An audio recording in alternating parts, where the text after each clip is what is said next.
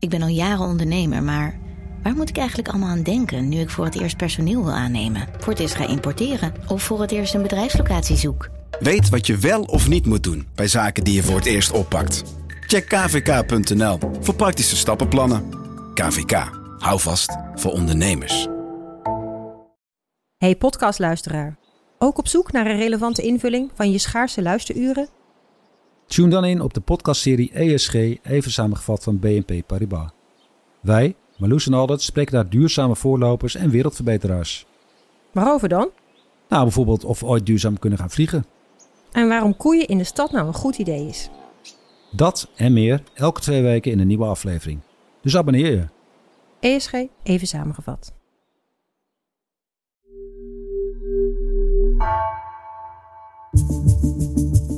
Vanaf de redactie van NRC het verhaal van vandaag. Mijn naam is Egbert Kalsen.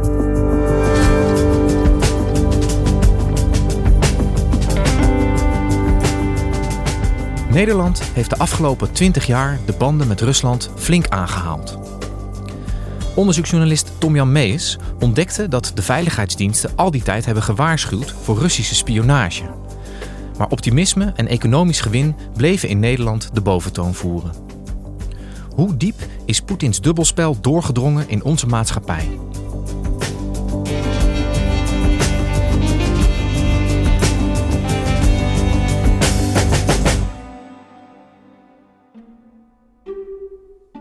Het is uh, 2003 als Kees Klompenhouwer, die dan de buitenlandse inlichtingen sectie van de AIVD leidt, naar uh, Moskou afreist voor een kennismakingsafspraak met de FSB, dat is de belangrijkste binnenlandse inlichtingendienst van, van Rusland. Destijds stond heel Nederland op het idee dat we moesten samenwerken met Rusland. Ook de inlichtingendiensten. Het begint natuurlijk algemeen, hè? Van wat, wat zijn de nou dreigingen uh, waar jullie mee te maken hebben, waar wij mee te maken hebben. Nou ja, wat doe je eraan? We hebben toen een aantal gevallen doorgenomen. Nou, Nederlanders hebben daar bepaalde ideeën en ook vooral grenzen bij. En Klompenhouwer ontdekt dat de grenzen die de Russen hanteren aanzienlijk ruimer zijn. Afgezien van de klassieke methodes. Dus uh, mensen zich in verleiding brengen om uh, jouw informatie te verschaffen. Mensen kunnen ervoor beloond worden. Hadden zij uh, dwingende methodes. Hè? Dus mensen klem zetten en door middel van dwang een medewerking verkrijgen ook een houding van mensen die niet meer nuttig waren in het inlichtingenproces, die uh, ja, werden afgedankt, om zo te zeggen. Dan kun je dus denken aan uh, niet alleen omkoping, maar ook uh, chantage. En, en alle nou ja, die daarna kunnen volgen. Huurmoord. dus nou, dat ging ons natuurlijk duidelijk veel te ver. Hij noemt het een criminele organisatie binnen de Russische staat en in diezelfde periode regeert het uh, tweede kabinet Balkenende. En net als het eerste kabinet Balkenende wil dat ontzettend graag warme economische banden met Rusland aangaan. En ongeacht het feit dat bij de AIVD en binnen de AIVD dat in openbare jaarverslagen en in dit soort vertrouwelijke ervaringen zoals met klompenhouden is gebleken dat eh, de Mores in de Russische Federatie wel erg ver van Nederland afstaan. En dat daar evident een soort spionnenstaat aan het ontstaan is. Wil Nederland toch die samenwerking eh, zo breed en groot mogelijk maken. En Nederland valt dus eigenlijk ten prooi aan het Russische machtsspel dat onder Poetin gestalte krijgt. Tom-Jan, uh, we weten inmiddels allemaal dat, uh, dat Rusland en Poetin uh, geen vrienden zijn van het Westen, hè, om het even kort samen te vatten. Um, op het moment dat Nederland die banden wil aanhalen met Rusland, hè, dat is begin deze eeuw, dan is Poetin net president geworden. Welk idee zat daarachter? Aan de ene kant was er gewoon optimisme. Dus Nederland had de hoop met de rest van de westerse wereld dat Poetin heel goed kon zijn voor Rusland, voor de Russische ontwikkeling. Had ook wel de verwachting dat hij uh, echt ambities had om uh, de rechtsstaat te verbeteren, de democratie te verbeteren. Aan de andere kant waren er economische belangen. En die waren met name op het energieterrein erg groot. Dus Rusland had aan de ene kant zeer grote olie- en gasvoorraden. En Nederland had aan de andere kant twee wereldspelers in de energiesector. Dat waren Shell, dat was toen nog een Nederlands-Brits bedrijf. En het was GasUnie, dat toen nog het Groningen gasveld exporteerde. die twee bedrijven die zagen grote kansen in Rusland. En de Nederlandse overheid heeft er alles aan gedaan om dat te faciliteren. En zodoende ging koningin Beatrix al een jaar nadat Poetin was aangetreden op staatsbezoek in Rusland. Ze tekende een samenwerkingsprogramma dat ongeveer alle domeinen van de Nederlandse maatschappij besloeg. Dus dat kon ook gaan over douane samenwerking, over fiscus, over cultuur. En eh, de enige factor in Den Haag die eigenlijk enige sceptisch laat merken over die, die, die hele uitvoerige ambitie om samen te werken, is de geheime dienst. Kijk, de waarschuwingen die waren, laat ik zo zeggen, eigenlijk steeds dezelfde. Omdat Rusland na de val van de Sovjet-Unie gewoon is doorgegaan met het patroon van inlichtingen vergaren alsof er niks gebeurd was. Dus het werven van mensen hè, om informatieposities op te bouwen op gevoelige plekken. Dus je moet ontzettend oppassen, hè, want ze, ze kunnen dingen doen die jij niet voor mogelijk houdt. Dus terwijl Nederland uh, vrolijk Poetin de hand aan het schudden is en allerlei samenwerkingsverbanden aangaat, is het die, die AIVD, die Nederlandse Veiligheidsdienst, die de hele tijd zegt: pas op jongens, want dit is een, een, een, een weliswaar een ander Rusland dan vroeger, maar de methodes zijn eigenlijk nog steeds hetzelfde. Hoe gaat Nederland daarmee om met die, met die waarschuwingen van de AIVD? In Den Haag gebeurt er eigenlijk niks mee. Dus die waarschuwingen die zijn er. Ik heb sommige op schrift gezien. Daar was geen woord Frans bij.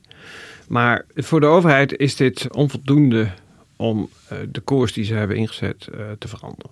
Dus die zoeken vooral in de energiesector economische vervlechting. En op dat moment is GasUnie in onderhandeling met Gazprom, het grootste bedrijf van Rusland, over Nord Stream. Dus over de aanleg van een gaspijpleiding die Rusland direct met Noord-Duitsland verbindt. En dan doet zich een hele kenmerkende situatie voor, zeker achteraf. Want terwijl die onderhandelingen lopen, wordt een van de mensen die voor GasUnie onderhandelt gewaarschuwd door de AIVD dat hij en zijn gezin woonachtig in Nederland doelwit zijn van een inlichting- en spionageoperatie van de FSB, de, de belangrijkste binnenlandse veiligheidsdienst van uh, Rusland. Dat is typisch. De behoefte aan totale controle. Waardoor je degene met wie je het nauwste samenwerkt, juist wil bespioneren. Dat hij je geen foefjes levert. Juist ook omdat je jezelf vanaf afhankelijk hebt gemaakt van die ene. Moet je door die ene niet bedrogen worden, dus moet je hem controleren. Dat is de denkwijze. Dat is een ernstige zaak. Die speelt hoog op eh, binnen GasUnie. Dat heb ik op basis van uh, GasUnie-documenten kunnen vaststellen. Maar dat verhindert niet dat een aantal maanden later eh, de baas van Gazprom, die volgens GasUnie de opdracht had gegeven voor de spionage van de GasUnie-medewerker, een, een kennismakingsverzoek aan Den Haag bracht en een welkome gast was van premier Jan-Peter Balken in het torentje. Nou, dat, dat klinkt echt als een redelijk bizarre gebeurtenis. Ik bedoel, waarom staat de deur van het torentje überhaupt nog open voor zo iemand? Nederland wil heel graag die contacten met Gazprom en wil ook heel graag dat Nord Stream ontstaat, want dat past bij de ambitie die de kabinetten Balken en trouwens later uh, ook de kabinetten Rutte hebben om het gasknooppunt, het, het voornaamste distributiecentrum van Europa te worden. Dus die onderhandelingen die gingen door en dat leidde uiteindelijk tot de keuze van Nederland om uh, een aandeel in uh, pijpleiding te nemen. Er zijn Europese landen die daar expliciet zorgen over hebben. En een van de gronden daarvoor is dat de directeur, de president-directeur van het pijpleidingproject, is een voormalige Stasi-major. Dat is een Duitser, die heet Matthias Warnig. En de Stasi was de inlichtingendienst van de DDR. En is na de val van de muur uitermate berucht geworden omdat ze uh, vergaande, zeer vergaande spionage op de eigen bevolking uitoefenden. En uit een onthullend onderzoek van de Wall Street Journal blijkt dat deze uh, Matthias Warnig in de jaren 80, toen de DDR nog bestond, contact heeft gekregen met Vladimir Poetin, die daar toen voor de KGB in de DDR werkte. Ze deelden gezamenlijk belangstelling voor het werven van spionnen in het Westen. Maar ook hier geldt eigenlijk dat Nederland, die laten zich daardoor niet op andere gedachten brengen. Voor een belangrijk deel heb ik wel gemerkt, waren mensen ook niet op de hoogte van dit alles. Maar in ieder geval leidt dat er uiteindelijk toe dat Nord Stream in 2011 wordt geopend. En die man staat dan uh, met onder meer Mark Rutte op de foto om de opening van Nord Stream te vieren.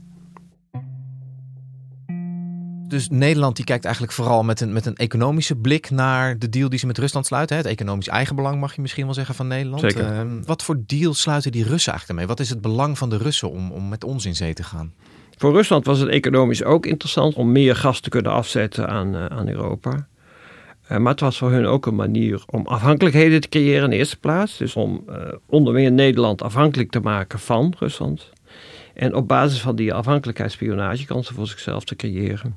Het contract tussen bedrijven in die landen is niet het einde van de onderhandeling, maar het begin. Daarna gaat er nog van alles gebeuren. In een machtsspel. En macht is belangrijker dan economisch voordeel. En ja, dan zie je dat, dat het dus gaat om het opbouwen van posities. Het je innestelen in een bepaalde wereld. En van daaruit je rooftocht, want dat is het eigenlijk verder te zetten. In diezelfde periode is Shell eigenlijk in de problemen gekomen. Dus die hadden het grootste olie- en gasveld ter wereld in Siberië. Daar zijn ze eigenlijk door Poetin uitgegooid. Maar Shell besluit dan om niet te gaan procederen tegen Rusland, maar om te proberen een nieuw project op grote schaal te krijgen in, in Rusland. En het gebied dat ze daarvoor willen gaan bewerken is nabij de Noordpool. En Nederland, de Nederlandse overheid, gaat er werkelijk alles aan doen om Shell daarin te helpen. En een van de gevolgen die dat heeft, is dat Gazprom in die periode op talrijke manieren economische kansen en mogelijkheden krijgt. Op een gegeven moment bezat de Russische staat uh, aandelen in onze gasopslag. De Russische uh, maatschappijen hadden grote bezittingen in de Rotterdamse haven, opslagtanks. De Russische staat via zijn ondernemingen was eigenaar geworden van een deel van ons uh, continentaal plat in de Noordzee. We hebben de boel gewoon verkocht. En uiteindelijk leidt dat ertoe aan de ene kant dat Shell, die dat project in de Noordpool uh, wilde, echt heel graag wilde, dat die nul op het rekest kregen. En dat Gazprom echt een zeer vergaand, zoals Klompenhouwer zegt, zeer vergaande positie in de Nederlandse energiesector kreeg. Het was van belang dat Gazprom dus in die infrastructuur, dan heb ik het niet alleen over de fysieke infrastructuur, maar ook in de, de eigendomsverhoudingen, de leveranciers. Ze participeerden in maatschappijen om daar een positie in te krijgen. Dus dat is dan toch wel een beetje griezelig als je dat zomaar hebt weggegeven. Dus Nederland biedt die Russen eigenlijk ongelofelijke kansen om een positie te verwerven in, in onze energiesector. Hè? Dat, Mhm. dat, heb je, dat heb je goed duidelijk gemaakt. Zijn er nou nog andere manieren waarop die Russen die, die machtspositie, dat spionagespel, zeg maar, uh, op Nederland loslaten? Wat merken wij daar nog meer van hier? Nou, kijk, de economie is maar één sector. En in dezezelfde periode dat Nederland met Nord Stream en met die Shell-projecten uitvoerig probeerde zaken te doen met Rusland, heeft Rusland, ik zeg het nu in de woorden van een inlichtingenbron, een kolossale overval gepleegd op het ministerie van Buitenlandse Zaken. Door een ambtenaar te werven als uh, spion. En die in de lezing van het Openbaar Ministerie zeven jaar, minimaal zeven jaar de kans te geven om alle documenten die hij voor handen kreeg uh, door te geven aan Rusland. Een, een, Nederlandse ambtenaar geworven door Rusland om spionage ja. voor Rusland uit te voeren. Kan je daar iets meer over vertellen? Het werkt zo. Russen werken met lange termijn spionnen die onder uh, valse identiteit in het Westen wonen. In dit geval ging het om een Russisch echtpaar dat sinds 1990 onder uh, Duitse cover in Duitsland woonde. En die de opdracht hadden voor diepte-infiltratie in ons deel van Europa. En in dit kader zijn zij deze Nederlandse ambtenaar vanaf minimaal 2008, maar volgens justitie vanaf 2005 gaan aftappen.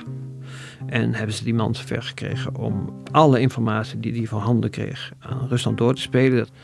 En er zitten in dit verhaal heel veel klassieke spionageaspecten. De geliefde ontmoetingsplekken waren uh, Sea Live op Scheveningen en Madurodam. En tussen die stukken zaten heel veel documenten van of over de EU en de NAVO. En ja, dat is, dat is uh, voor Rusland ongelooflijk aantrekkelijk materiaal. Omdat ze dat steeds de gelegenheid geeft om verdeeldheid, uh, die er natuurlijk altijd is binnen de EU en de NAVO, uit te spelen. Wat er ook aan opvalt is overigens dat hij heel actueel informatie doorgaf. Dus als er een conflict was over iets, whatever, in de NAVO of de EU, dan was dat vaak al binnen twee of vier weken in Russische handen. Dus het is ook voorkomen duidelijk dat hij enorm waardevol was voor de Russen, want hij is een van de best betaalde spionnen uit de geschiedenis van het Westen. Tom Jan, we zitten inmiddels in 2023. Uh, eh, vorig jaar viel Rusland Oekraïne binnen. Ik denk dat iedereen, uh, voor zover we dat al niet waren, wakker geschud is. Rusland is niet een staat waar je op een normale manier zaken mee kan doen. Heeft dat de relatie tussen Nederland en Rusland nou uh, veranderd? Ik bedoel, zijn we nu wakker geworden? Nou, kijk, de, de relatie is al uh, jaren, die ging al jaren achteruit. Dat waren natuurlijk de, de invasie eh, van de Krim en MH17 2014 hebben daar natuurlijk een grote rol in gespeeld. En er doen zich allerlei incidenten voor die ook laten zien hoe ernstig het is. Dus de AIVD-liaison uh, in Moskou heeft uh, ervaren dat zij de remleidingen van zijn auto werden doorgesneden. Ja, dan laat je natuurlijk eigenlijk merken als Rusland zeide, nou we vinden het niet erg als jij jezelf doodrijdt. Het ministerie van Buitenlandse Zaken heeft dit voorjaar vrijwel alle Russische diplomaten in Nederland uitgezet. Er zijn er nog een paar over. Maar in feite is er online al sinds al twintig jaar een wapenwetloop. We hacken elkaar. Nederlanders hacken ook, hè, dat uh, vergis je niet. Maar inmiddels is het eigenlijk veel meer geworden. Russen proberen zich bij ons in te nestelen. En westerse landen proberen zich in Rusland in te nestelen. En waar Nederland volop reden heeft om te vrezen dat Rusland in staat is om uh, de Nederlandse energiesector te saboteren. Zo probeert Nederland zo duidelijk mogelijk de indruk te wekken uh, zonder het expliciet te zeggen dat zij in staat zijn de Russische infrastructuur te saboteren. Het is wat dat betreft helemaal terug naar de Koude Oorlog. Ja. Dus zo gaat het met de relatie. Ja. En die, die kennis hè, die die Russen in de afgelopen twintig jaar hebben verkregen over ons energienetwerk. Wat zouden ze daar nou mee kunnen als, als ze echt kwaad zouden willen? De kwetsbaarheden die zitten in de toevoer van gas, in de energiecentrales. Ik denk dat eh, de Russen uh, door hun investeringen uh, een perfect beeld hebben gekregen van de Nederlandse energieinfrastructuur in alle opzichten. En dus dat daarmee onze energieinfrastructuur kwetsbaar is geworden voor sabotage. Uh, Klompenhouwer is ambassadeur in Oekraïne geweest en heeft daar gezien dat Russen eigenlijk voortdurend de energietoevoer in delen van Oekraïne kunnen uitschakelen door energiecentrales via hacks uh, uit te schakelen, via sabotage. We gingen een pijplijn door Oekraïne heen die heel Centraal-Europa van gas voorzag. En Rusland was erop uit met alle middelen controle te krijgen over die pijplijn. En men heeft daar in die jaren ook uh, meermalen uh, gas uh, afgesloten naar Oekraïne toe, maar ook naar die andere Centraal-Europese landen, om Oekraïne te dwingen het eigendom van die gaspijplijn over te dragen aan Gazprom. Dus je zag dat Rusland die infrastructuur gebruikt als strategisch bruggenhoofd als je registreert dat, dat in de gasinfrastructuur en in de energiecentrales kwetsbaarheden zitten, dan moet je rekening houden met de mogelijkheid dat ze dat ook in Nederland zouden kunnen. Ja. Hey, en om het wat uh, apocalyptisch af te sluiten, misschien, uh, jij hebt nu dat, dat energiedossier goed uitgebeeld. Weten wij nou hoe diep de Russen in onze maatschappij geïnfiltreerd zijn? Daar is echt, bij sommigen althans, echt behoorlijke ongerustheid over dat aspect van die mensen die undercover tientallen jaren in een westers land wonen. De indicaties die daarvoor zijn, zijn dat zich dat toch uh, veel vaker heeft voorgedaan dan we ons hebben kunnen voorstellen.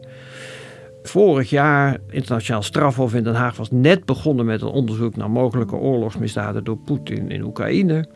En meldde zich met een ontroerende brief een jongen die zei dat hij uit uh, Brazilië kwam bij het strafhof omdat hij graag stagiair wilde zijn. Die werd vrijwel ogenblikkelijk aangenomen, reisde naar Nederland. Die is door de Nederlandse autoriteiten aangehouden en opgepakt, want dat was een Rus. Ook dat voorbeeld liet mensen heel erg zien: ja, kijk, er lopen zoveel van die Russen met een vals paspoort rond. Wij kunnen onmogelijk vaststellen hoeveel er hier zitten, maar het staat absoluut vast dat door de intensieve samenwerking die Nederland, door die specifieke situatie met die energie, heeft gezocht met Rusland, dat, dat wij Rusland echt enorme mogelijkheden hebben gegeven om hier binnen te komen en, en dit soort operaties te beginnen. Wat je eigenlijk ziet, nu achteraf, durf ik te zeggen, nou, dat vond ik toen ook al, maar nu kan ik het hardop zeggen. Er was een totaal gebrek aan veiligheidsbewustzijn in de top van ons landsbestuur. In de politiek, maar ook in het bedrijfsleven. Ja, en onszelf daarmee dus heel kwetsbaar hebben gemaakt voor die Russische spionage. Zo is het. Ja. Dankjewel, Tom Jan. Niets te danken.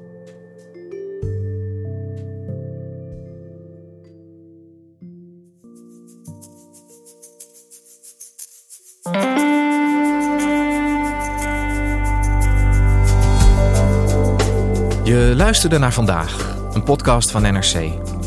Eén verhaal, elke dag. Deze aflevering werd gemaakt door Mila Marie Bleeksma en Jeroen Jaspers. Coördinatie Henk Ruigrok van de Werven. Dit was vandaag, morgen weer.